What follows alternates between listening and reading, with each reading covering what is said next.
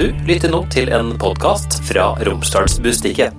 Hør på henne presenteres av DNB, din økonomiske rådgiver fra A til Å.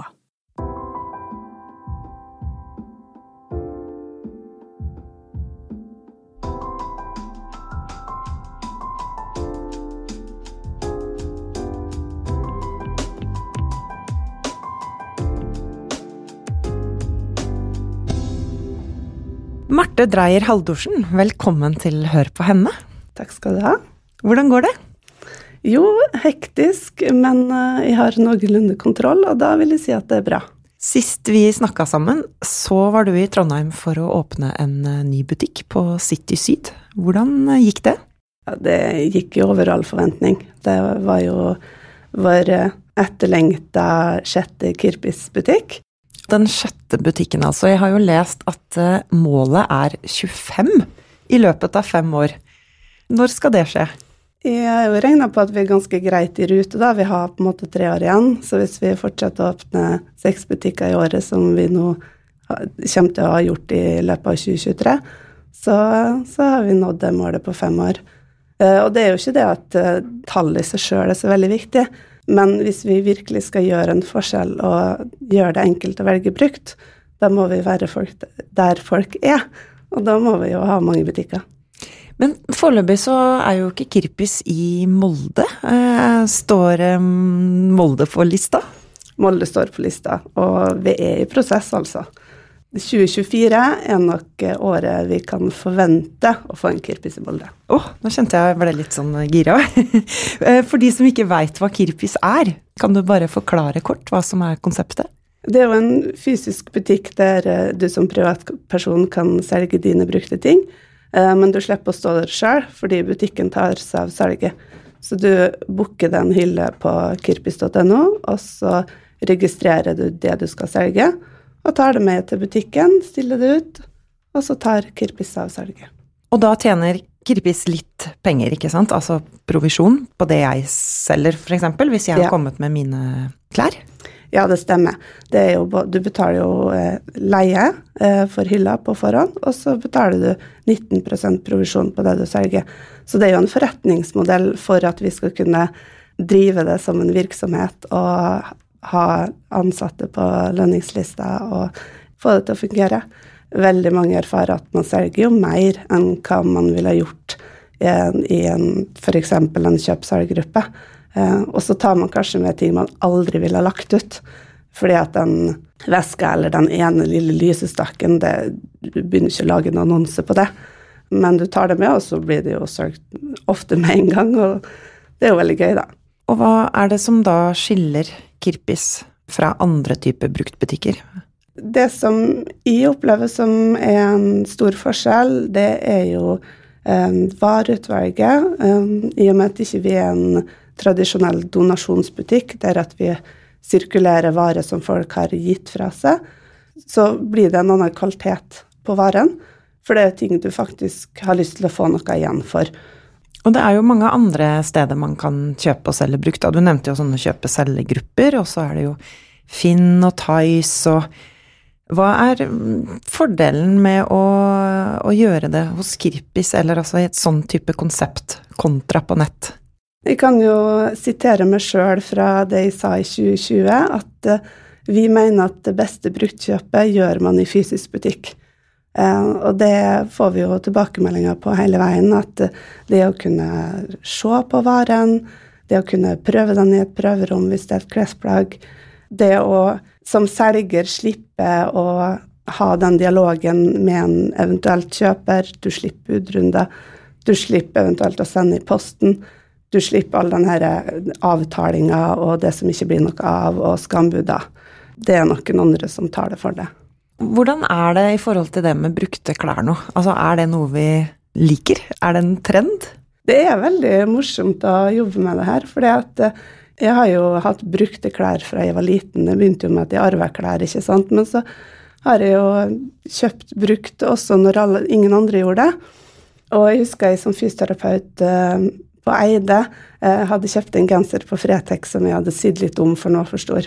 Og jeg fikk så masse kompliment på den. Eh, det her var i 2013. Og det satt skikkelig langt inne, men jeg hadde bestemt meg skal si det. Og så sa jeg takk, den har jeg kjøpt på Fretex. Og folk var sånn å, ja, ok. Og var helt sånn Det var veldig uvant. Mens nå, eh, i, i de der åra mellom 2013 og nå, da, så har det skjedd en formidabel endring. Der at folk er sånn Å, jeg har brukt kult! Det, ja, den er brukt jo kjempebra. Så det er en veldig positiv endring, tenker jeg da.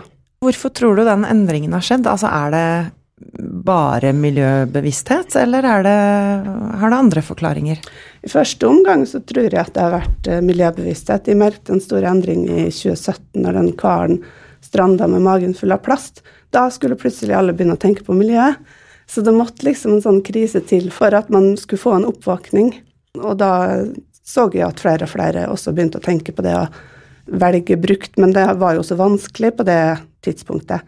Og så har vi jo hatt noen kriser nå som har ramma økonomisk, og som gjør at eh, vi ser at det er enda mer pågang i våre butikker. Både for å selge varene sine og for å ville kjøpe brukt. Og du, eh, jeg spurte jo deg om du kanskje kunne tenke deg å ha på noe brukt da, akkurat i dag. Og da svarte du Ja, det, og det meste i skapet mitt er jo kjøpt brukt eh, eller arva. Jeg har jo noen plagg som jeg har arva etter min mor, som jeg bærer med stolthet. Og du sa til meg også at det hadde vært en større utfordring for deg hvis du skulle komme her i nye klær. Ja, da tror jeg kanskje jeg hadde stilt opp i undertøy. er det sånn at det er undertøy, der går grensa? Det kjøper du nytt? Nei, egentlig ikke. Jeg starta jo den reisen her med på mange måter, altså sånn forretningsmessig med, med å produsere gjenbruksbleier. Begynte å bruke gjenbruksbleier på mitt første barn. Og ble introdusert for tøybind, og det var jo veldig det, Første gangen jeg hørte om det, så um, Nei, det går jo ikke. Det var veldig merkelig. Um, men så tenkte jeg ok, men jeg kan jo ikke være dårligere sjøl når jeg bruker det på dattera mi. Så da prøvde jeg det, og det var sånn oi, wow, det her er jo så masse bedre enn engangs. Og det er jo faktisk noe som omsettes brukt, tro det eller ei. Men det går det an å kjøpe brukt, og det er helt greit, fordi det er noe som heter vaskemaskin, og noe som heter at eh, det blir rent i vaskemaskina. Eh, sånn at de har nok endra en del mentalitet sjøl også, eh, og tenker at ja, men det, det er egentlig ingen, ingen, grenser sånn sett på hva man kan kjøpe brukt og ikke. Det handler jo om å bruke ting til det er brukt opp. Og i dag så kommer du jo inn her i en veldig fin kofte med sånne sølvknapper. Den er eh, mørkegrønn og ja, en slags sånn uh, sennepsgul, kanskje. Hvor kommer den fra? Ja, den har jo vært mamma sin, da.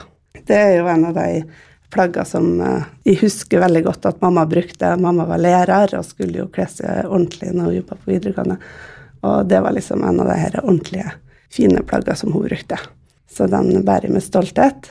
Ikke hver dag, for det skal jo passe til det man bruker, da. Men eh, jeg har liksom funnet meg noen kombinasjoner der at jeg kan få lov å bruke den og vise den frem. Og hva vil du si er ditt beste bruktkjøp? Ja, det har jeg tenkt veldig på. Jeg, det første, første, jeg tenkte, var at det må jo være Nyheim. Fritidsboligen vår, som er et hus fra 1926 inne i Rauma. Med fantastisk utsikt. Um, så jeg tok med meg et uh, bruktkjøp som ikke er et klesplagg, men som er en kopp som jeg kjøpte på Kirpis Stiller. Om det er det beste, men det var veldig gøy, fordi at uh, jeg kjøpte for en del år siden så kjøpte jeg et sånn grønt uh, servise med middagstallerkener og frokosttallerkener. Og så tilhørte det noen tekopper som ikke har fungert i det hele tatt, men jeg har vært veldig glad i det serviset. Kjøpt på Fretex her i Molde uh, fra Arabia. Det er jo kvalitet, og det kan, bruke, altså det kan varme det i stekeovnen. Det er veldig sånn all around det følger jo på en måte ikke moten sånn sett, men det, det er en farge som vi liker, og som vi vet så her skal vi ha hele livet. Og så plutselig, på en hylle på Kirpis Tiller, da, så dukka det opp en kaffekopp i det, altså sånn krus, da, i det serviset. Og da er jeg sånn um, Den må jeg bare kjøpe. Det er jo akkurat det serviset vi har. Så nå ønsker vi jo resten, da. Jeg ønsker vi jo flere sånne for den er jo allerede blitt favoritt. Den For nå har du servise og én kopp. Én kopp, ja.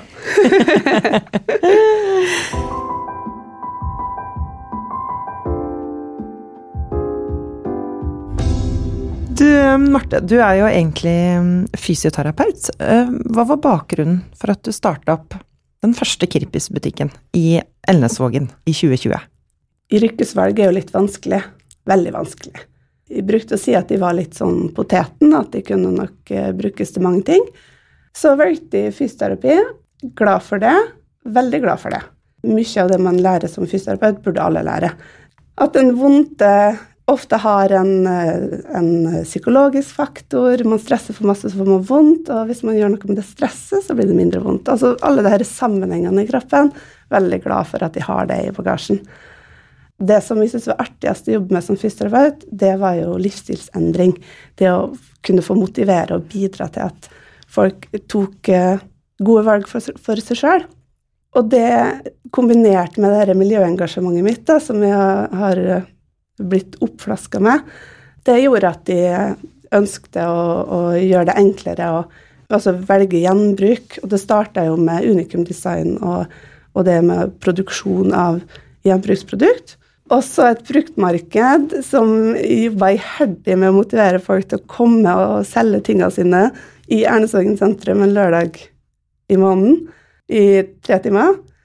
Som var sånn Ok, inne på noe, men det her er innmari tungrodd.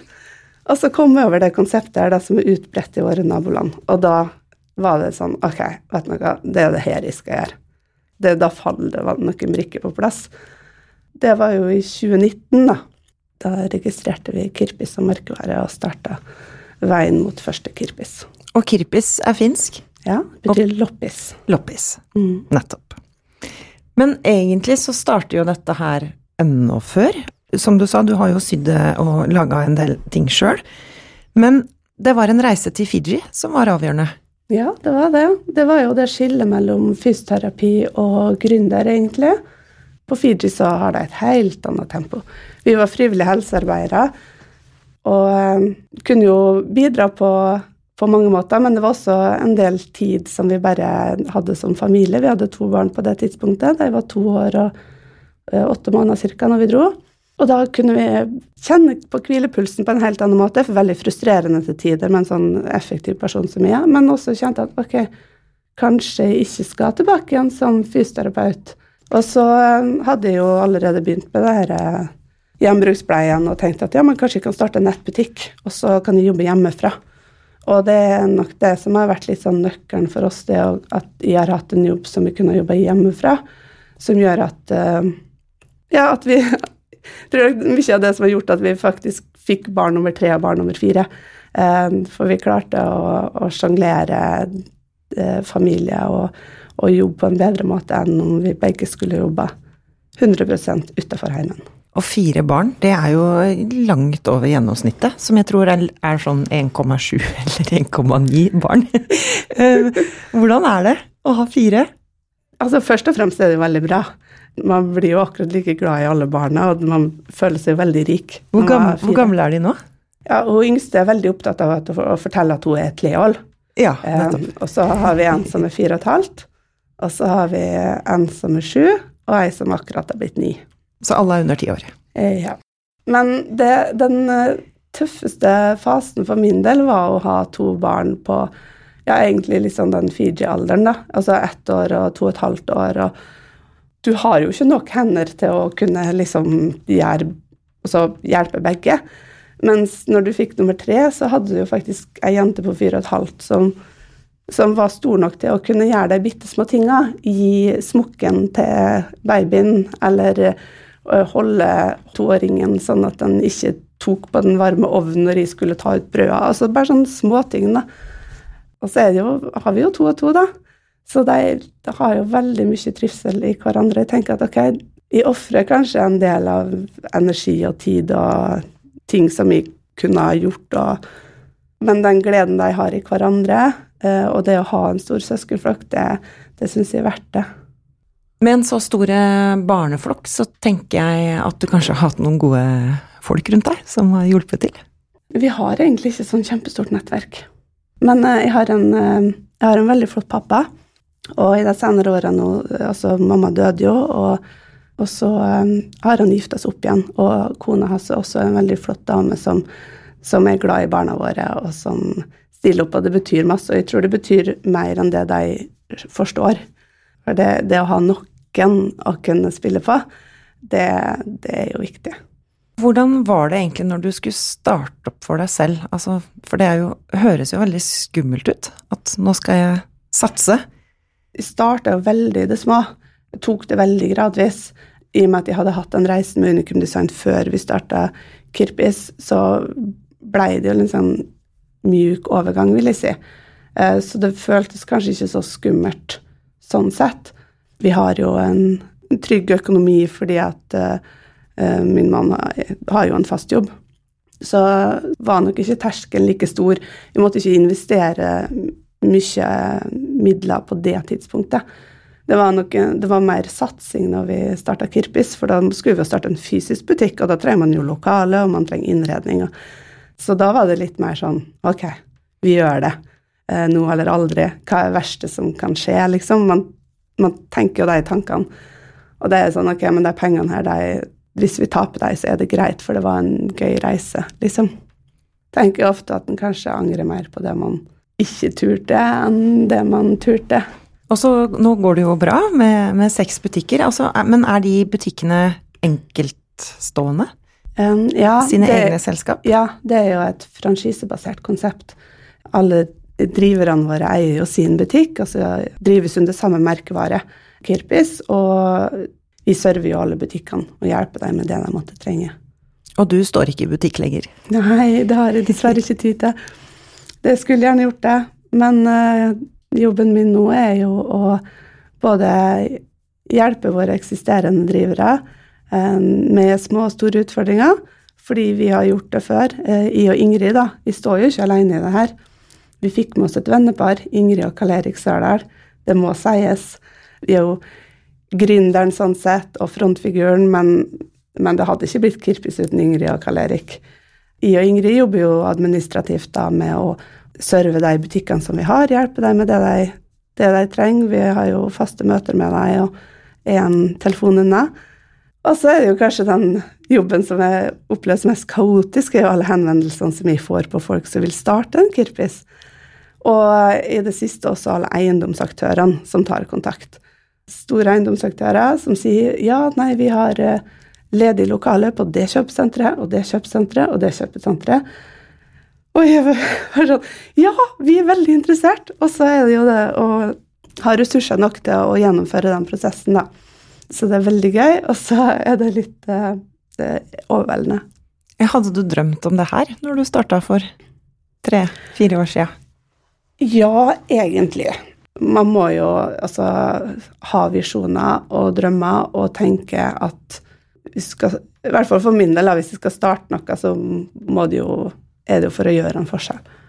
Så vi starta jo med hele veien en tanke om at vi skal bli en kjede. Ålesund var jo Tenkte vi jo lenge kom til å bli nummer to. Det, det ble nummer fem. Så det, sånn eh, blir veien til mens man går.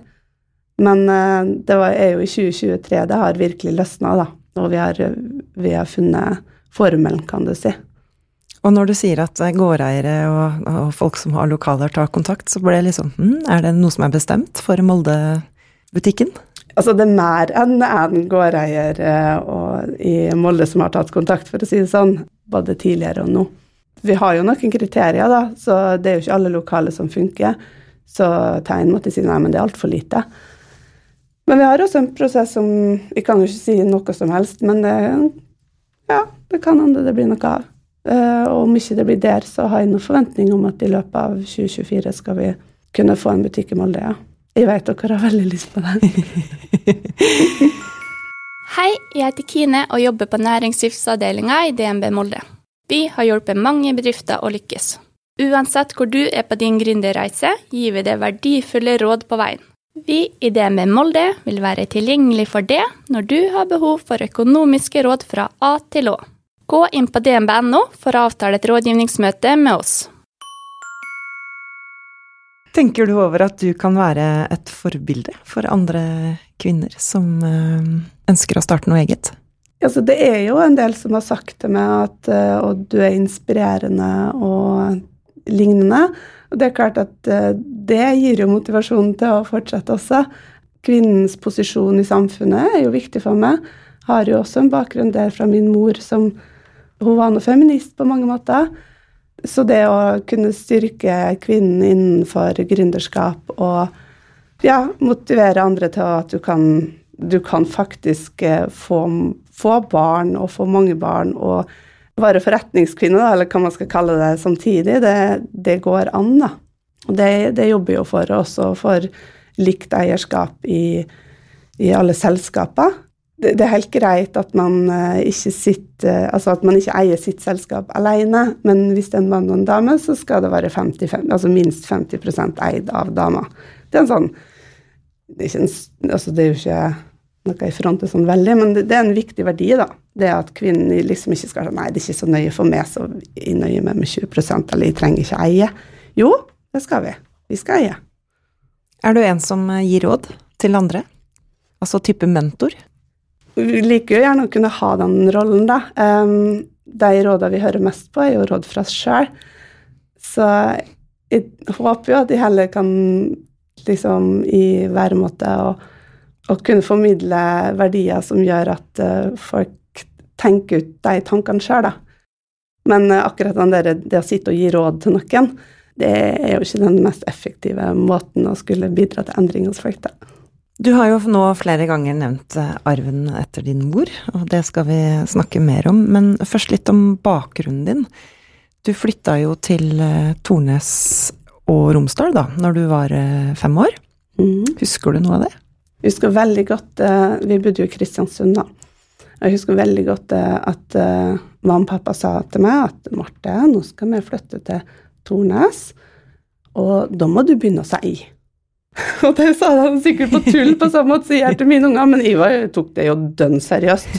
Så den dagen så gikk det fra å snakke kav kristiansunder til romsdaling. Det er jo litt sånn talende for meg, da. Jeg er litt bokstavelig. Ja, så bodde vi først halvannet år i et, eh, på et gammelt småbruk som var veldig, veldig idyllisk ned mot sjøen, og det var nok et sånn paradis som mange kunne tenkt seg og bodd på eller fantasere om. Det å liksom ha eplehage og et gammelt, koselig hus. og Vi leide det jo bare, men jeg har jo noen sånne minner derifra. Uh, og et minne jeg har, det er at det var så masse mus der. På stua da, så satte jeg og pappa opp en musfelle, og så så vi musa pile over gulvet og smakk. Så det, det, husker jeg veldig godt som femåring. da. Et annet morsomt minne Eller det var ikke så morsomt der og da, da. For jeg ble jo redd. Men min pappa har alltid hatt veldig masse skjegg. Mørkt hår, mørkt skjegg, mørk bart. Og så var det en morgen jeg skulle krype opp i senga til mamma og pappa, og så hadde jo han barbert seg kvelden før. Og jeg var livredd, for det var lå en annen mann i senga sammen med mamma. Men det var det jo ikke. Det var jo pappa uten skjegg. Så de har jo alltid vært veldig trofaste mot hverandre. Så det kunne de trygge meg på at eh, det er pappa. og godt var det. Ja, godt var det. Hvordan var det ellers å vokse opp på bygda? Jeg eh, hadde en veldig trygg og god oppvekst. Veldig, um, veldig trivelig skole. Det å gå på Tornes skole var veldig stabilt og trygt, og vi hadde jo masse boltreplass. Vi kunne jo gå ned til stranda. Jeg husker mamma brukte å stå på rommet, nei, rommet, på, på verandaen og rope. 'Nå er det middag!' Da var vi inne på stranda. Um, men som, vi var en liten klasse. Vi var faktisk bare ni stykk. Så det var jo litt spesielt, da det er jo blitt flere nå. Så ja, jeg vil sånn totalt sett så vil jeg si det var fint. Jeg har jo flytta tilbake igjen. Det er jo mye for å tenke at ja, Kanskje det ikke var derfor vi flytta tilbake igjen, men vi har blitt der fordi vi ser at ja, men det er jo flott for barna å kunne ha en oppvekst på et sånn trygt sted, da. For det er det vi kjenner veldig på, spesielt i den ustabile tiden også. Så vi tenker sånn Skal vi flytte hit, eller skal vi flytte dit? Nei, det er så trygt og fint på Tornes. Vi vil bo her. Og så bidrar dere jo aktivt til å øke elevantallet på skolen. ja, det blir artig det året der alle går på skolen, for det blir faktisk ett år der vi har eh, første, andre, femte og sjuende. En viktig inspirasjonskilde for deg har jo vært eh, mammaen din, som du stadig kommer tilbake til. Eh, hva lærte du av henne eh, om miljø og gjenbruk når du vokste opp? Det var nå mest modellering, altså at hun, hun, hun gjorde. Mer enn at hun sa, sånn som jeg husker det. Hun gjenbrukte, hun reparerte, vi arva. Det var veldig gøy å dra på loppemarked. Og hun kjøpte den nedprisa maten på butikken fordi at den ikke skulle kastes. Og vi syntes det var kjempeflaut. Og jeg husker jeg drev og pirka av så her uh, prosentlappene som sto på rømmebegeret eller lignende. Og mamma var sånn Ja, men hallo, det, det er jo ikke dårlig nødvendigvis fordi det er for best før-datoen har passert. Det må man jo bruke smakssansene. Jeg har jo fått det inn gjennom at hun har vist i praksis, da. Ikke bare sagt at sånn og sånn er det, eller sånn og sånn må du gjøre, men og det har vært et forbilde som har gjort at de verdiene jeg har tatt videre med meg i livet. Var det nøysomhet eh, som gjorde det, eller hva var hennes på en måte motivasjon? Jeg tror nok at uh, nøysomhet er en del av det. Vokste opp uh, med nøysomme foreldre. Uh, nøysomhet er jo en, en, god verdi. Og spesielt i lys altså for henne, da, så er jo det forvalteransvaret eh, som i, i, vårt perspektiv, eller i hennes perspektiv, og, og som vi også deler med henne, at eh, skaperverket, som er et naturlig ord for meg å bruke, da, eh, er gitt oss eh, De ressursene vi har, er gitt oss for å forvalte på en god måte. Eh, og da skal vi ikke drive rovdrift av ressursene, vi skal bruke opp det vi har. Og da en, kasserer vi ikke en genser fordi den har mista en knapp. Da syr vi på igjen knappen. Eller eh, lapper det hullet på buksa. Eller eh, spise opp matrestene. Og 'jeg tar den tørre skalken', sa alltid mamma. Fordi at vi kan ikke kaste den tørre skalken. Jeg har litt annen strategi og sier at ja, vi må fordele det alle sammen. Nå tok jeg den tørre skalken, så da tar du den neste gang. så hun var nok litt mer sånn oppofrende enn det jeg er. Jeg er, en, jeg er, litt mer sånn på rettferdighet. Nå fordeler vi alle tar sin. Men det var nok like mye forvalteransvaret eh, som nøysomhet. Eller kanskje en god kombinasjon. Og så blir jo mammaen din eh, tidlig syk, altså i ung alder. Hva var det som skjedde? Vi tenkte jo lenge at hun Altså, mamma var jo en litt sånn distré person. Distré og hadde tre barn og masse på jobb som lærer på videregående. Um, og så tenkte jo vi at uh, ja, så Mer distré? Ja, nei, men det er jo, det er jo en, en, naturlig utvikling, det at man er sliten. Og, og så ble hun sykmeldt fordi at hun var overarbeida. Og da slappa hun litt av. Men det var den øh, jula at man på begynte å kunne se litt mer sånn tydelige tegn på at det, det er noe som ikke stemmer. Alle kan være distré, og alle kan glemme, og vi kan jo bli redd enhver noen gang. på vei, altså hvorfor, hvorfor i all vide verden satt de smør inn i skapet, liksom? Eh, det, sånne ting tror jeg alle gjør, det er både store og små. Men det var tanta mi som først var sånn Ja, men det her er, det her er ikke bare overarbeidet. Tante, søstera til pappa som er psykolog. Og så, Hun var 49, så det var jo ikke sånn at i helsevesenet at det var det første som, som var naturlig å tenke, var at det var demens. Men tanta mi var veldig påståelig, og de ga seg jo ikke, da. Eh, så hun fikk utredning og endte opp med å få utredning i Oslo, på Ullevål. Og da kunne jeg konstatere at det var tidlig begynnende Alzheimer, i en alder av 49. Det var jo et slag i ansiktet for alle. Jeg var 21. Og søstera mi, som er fem år yngre, bodde jo hjemme fortsatt og gikk jo videregående. Eh, så kanskje tøffest for hun egentlig, men som måtte stå i det og så mista mammaen sin i en fase der du kanskje trenger det aller mest. På det tidspunktet så møtte jeg Øyvind, eh, altså min mann, og var ærlig med han om at de hadde det tøft. Vi ble jo kjent på det tidspunktet der i grein for den minste ting, et sitat i en film. ikke sant? Det skulle ingenting til for at de syntes det var skikkelig skikkelig tøft. Og han holdt med hånda og sa ingenting. Det var så bunnsolid, da. Eh, så det er jo begynnelsen på historien om oss. Men for å fortsette med mamma, så, så var det noen tøffe år. det ble jo bare tøffere og tøffere på, på en måte, men vi, vi barna vi følte vi mista henne med en gang. Fordi det som var mamma, var på en måte borte. Og det var veldig tøft når folk var sånn Ja, men jeg syns nå er helt vanlig når jeg snakker med henne. Takk for den. Det, det var ikke en trøst. Det var jo også i den perioden jeg fikk de to første barna. Det var veldig, veldig tøft. og ville, Vi besøkte henne, hun måtte jo flytte på et tidspunkt, og vi besøkte henne på, på institusjonen, og ja Mye å si om det. Men Og det var på mange måter godt når hun døde. Og det har jeg ikke noe skyldfølelse for å si, fordi at hun, hun hadde jo bedre, hun også. Hun fikk slippe, for det var jo bare grusomt etter hvert. Skjønte hun selv at hun uh, var syk? Hun skjønte jo i begynnelsen. Hun var jo syk i elleve år. Ja.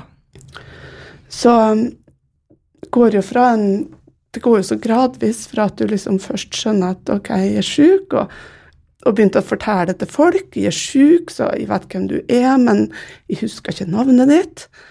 Til at det ble mista språk. Det var jo kanskje det var veldig tapt. Det er jo sånn alle som har noen med Alzheimer i familien, beskriver en trapp, en nedadgående trapp. Og mamma beskrev det sjøl som å gå inn i en tåke. Du veit ikke hva du går til, og, og, det er ja, ikke nødvendigvis bare godt, da. Um, så det var godt for alle når hun fikk slippe, og for min del så, så kjenner jeg at um, det er mye som er enklere nå. Sjøl om det fortsatt er veldig, veldig trist, og det er tap, og jeg tenker ofte på mamma, og ofte at jeg savner henne. Savner at mine barn har bestemor, fordi hun hadde kommet til å vært en fantastisk bestemor. Men det er nå sånn livet er. Og det jeg tar med meg, er jo, er jo verdien hennes. Og håper at noe av det som hun var, kan jeg fortsette å vare. Så du har henne med deg? Ja. Er det den mm, friske mammaen din som du husker best? Nei, den syke. Fordi altså Hele mitt voksne liv har hun vært syk. Så min referanse på hvem mamma var før det, det er jo barneminner og ungdomsminner. Og det er liksom Det er jo ikke det samme. Så det er gode minner, det altså. Men de blir jo veldig svake og langt unna. Hva tenker du er den viktigste arven du har med deg etter mamma? Kanskje på en måte ikke arven, men det som jeg strekker meg mot, det er å se folk for den de er. At de har verdi uansett. Ikke være dømmende. Mamma var den som ble kjent med folk på bussen, og som smilte til folk og, og så de som ingen andre så. Det er jo ikke i, i mitt liv per i dag, men jeg syns det er veldig fint å ha med seg det som forbilde. Og tenke at det er noe som vi vil jobbe med å være Altså å se andre, da. Tenker du at det var urettferdig at det var akkurat din mamma som fikk alzheimer? altså Det er et veldig eh, veldig mye brukt ord i familien for tiden. Eh, verden er urettferdig. Så at hun ble syk, det vet vi ikke hvorfor. Det er sagt at det ikke var genetisk. Det er jo veldig fint å vite. Er det sånn at du har tenkt på det? At, ja, klart jeg har tenkt på det. Men mm. det var veldig på at den type alzheimer som din mor har, det er ikke arvelig sånn sett, da. Det finnes jo typer som er. Jeg tror ikke at det, det, er sånn at det var meninga at mamma skulle få alzheimer, eller at det på en måte er sånn på grunn av noe, noe større så, så, skulle hun bli sjuk. Det tror jeg ikke. Jeg tror at det er sånn verden er, at det, det, er, det er mye vondt i verden menneskeskapt vondhet. Og, og at sykdom også er, er, en del av det, da. Uh, uten at det er noe som vi kan si at en er skyld i noe. Du har jo vokst opp i et uh, kristent hjem. Har du hatt noe hjelp av troen i denne situasjonen? Ja, Gud for meg er det stabile i alt det ustabile. Og jeg tenker at det å, å kunne altså kunne lene meg på noe som er utafor meg sjøl, og utafor det som er her på jorda, da. det, det gjør at uh, jeg også i bedre grad kan takle motstand, fordi det kan jo skje vonde ting igjen. Jeg tror ikke at jeg har fått min porsjon med vonde ting fordi mamma har vært syk. Det tilfeldigheter og gjør at det kan like gjerne være mer som vi heldigvis ikke veit. Til slutt i denne podkasten så har vi alltid to spørsmål. Um, og du har bedt om at jeg skal eh, bytte rekkefølge på dem, så det har jeg tenkt å gjøre.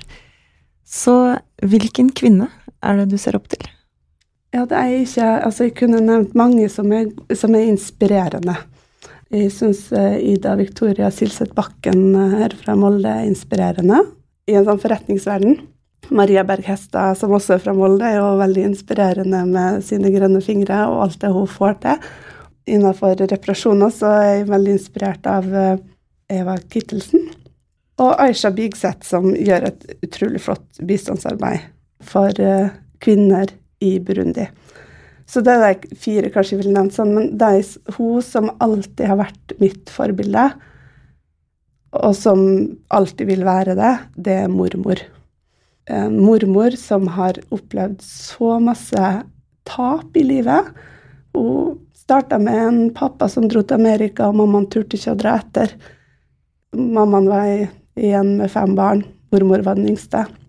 Og mista søstera si når søstera var ganske ung. Mista mannen sin når hun var 60, min morfar.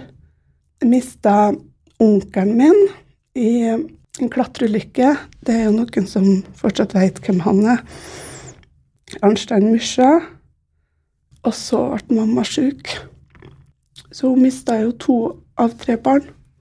For å nevne noen, hun har hatt flere tap. Men det som hun alltid har fokusert på, er takknemlighet. At det går an å fokusere på takknemlighet når du på en måte opplever så mye vondt. da. Det vil alltid stå som et sånn veldig forbilde for meg. Jeg har arva inn i Bibelen hennes nå.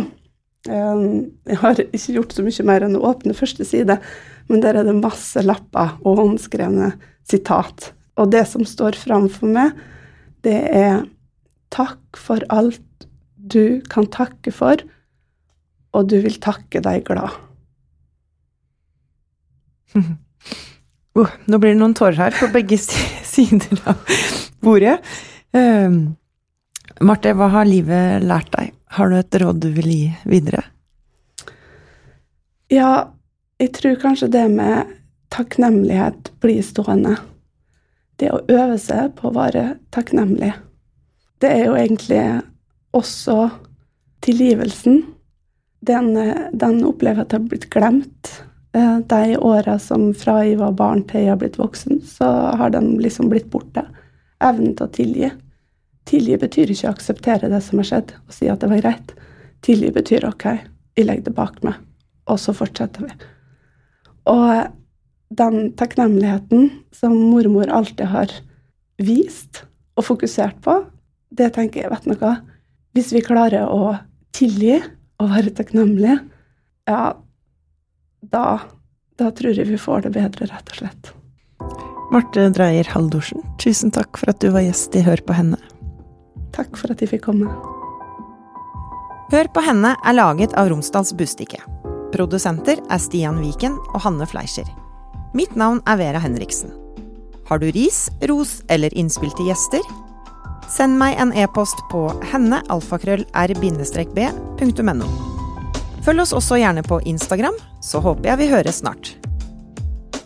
Hør på henne presenteres av DNB, din økonomiske rådgiver fra A til Å.